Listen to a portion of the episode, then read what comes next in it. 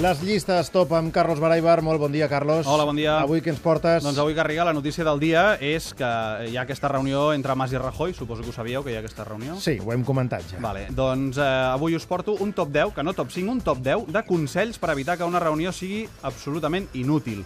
Ve a ser un eh, una d'aquestes coses que t'ensenyen els cursos per a emprenedors i llupis. Cortesia de la web SlideShare. Segur que Artur Mas i Mariano Rajoy ens escolten, que prenguin nota número 1. Consell número 1, saber per quin motiu l'organitzador convoca la reunió. Primer problema, no sabem qui és l'organitzador. O sigui, es fa a Madrid, però el Mas va enviar primer la carta.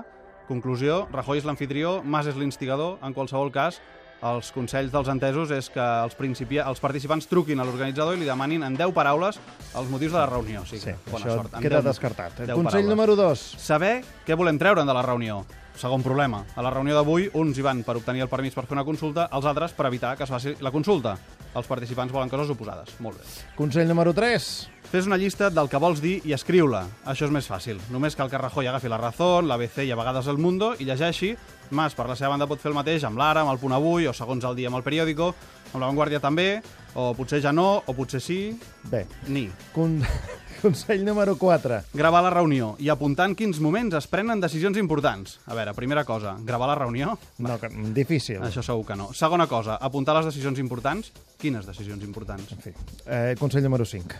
Mantenir l'ordre i procurar respectar les intervencions dels altres. Bé, aquí sí que veig Sí, que no? triomfarem, aquí Sí, sí. No m'imagino una conversa entre aquests dos que es converteixi en un sálvame de l'estil pues eres un insincer- insincero, pues eres un separatista, no crec que passi això. Aquesta la complirem. I el Ordre. número 6. El número 6, escoltar l'altre encara que el que et digui no t'importi.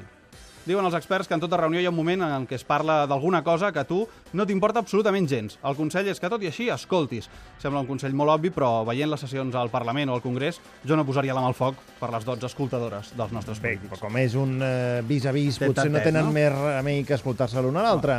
Et pots estar mirant els ulls i està passant sí, de l'altre, eh, com estàs. Consell número 7. No desviar-se. Això és un clàssic dels rebentadors de reunions, els temes perifèrics. En el cas de la reunió amb Rajoy podria ser des de yo me voy a Galicia a comer centollos, pues yo me voy a Menorca con el barco, fins a les fitxatges de Luis Suárez i James Rodríguez. Doncs no, això s'ha de deixar de banda, per favor. Jo m'imagino que aquesta també la complirem. Número 8. Establir línies d'acció posteriors. Quan es va acabar la reunió, algú ha de dir què farem per portar a terme tot allò que hem eh, decidit. Tornem a la roda del hàmster. Un dirà que farà la consulta, l'altre que no la permetrà. Qualsevol cosa que se surti d'aquesta predicció és la notícia. Veurem si podem donar la notícia o seguim en aquesta roda del hàmster que dius tu. nervis. Vinga, consell número 9. Establir un límit de temps per la reunió. Res d'estar-s'hi 3 hores perquè sembli que han aconseguit alguna cosa. Això ens, els, ens agrada molt als periodistes, dir quan ha durat una reunió.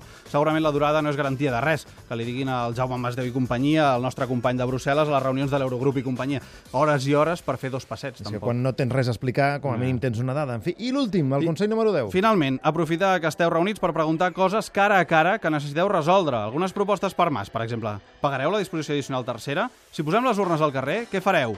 Quan arribarà el tren a la T1? ¿Por qué os, molesto tanto, os molesta tanto el catalán en el colegio, por ejemplo? Propuestas para Rajoy. Si Esquerra gana las próximas elecciones, ¿seguirá siendo independentista? ¿Pondrá las urnas sin permiso? ¿Cuándo te retiras tú, Artur? Molt bé, molt bé. Carlos, eh, segur que ens han escoltat i han pres eh, bona nota. Sí, a casa els envios. Fins demà. Fins demà.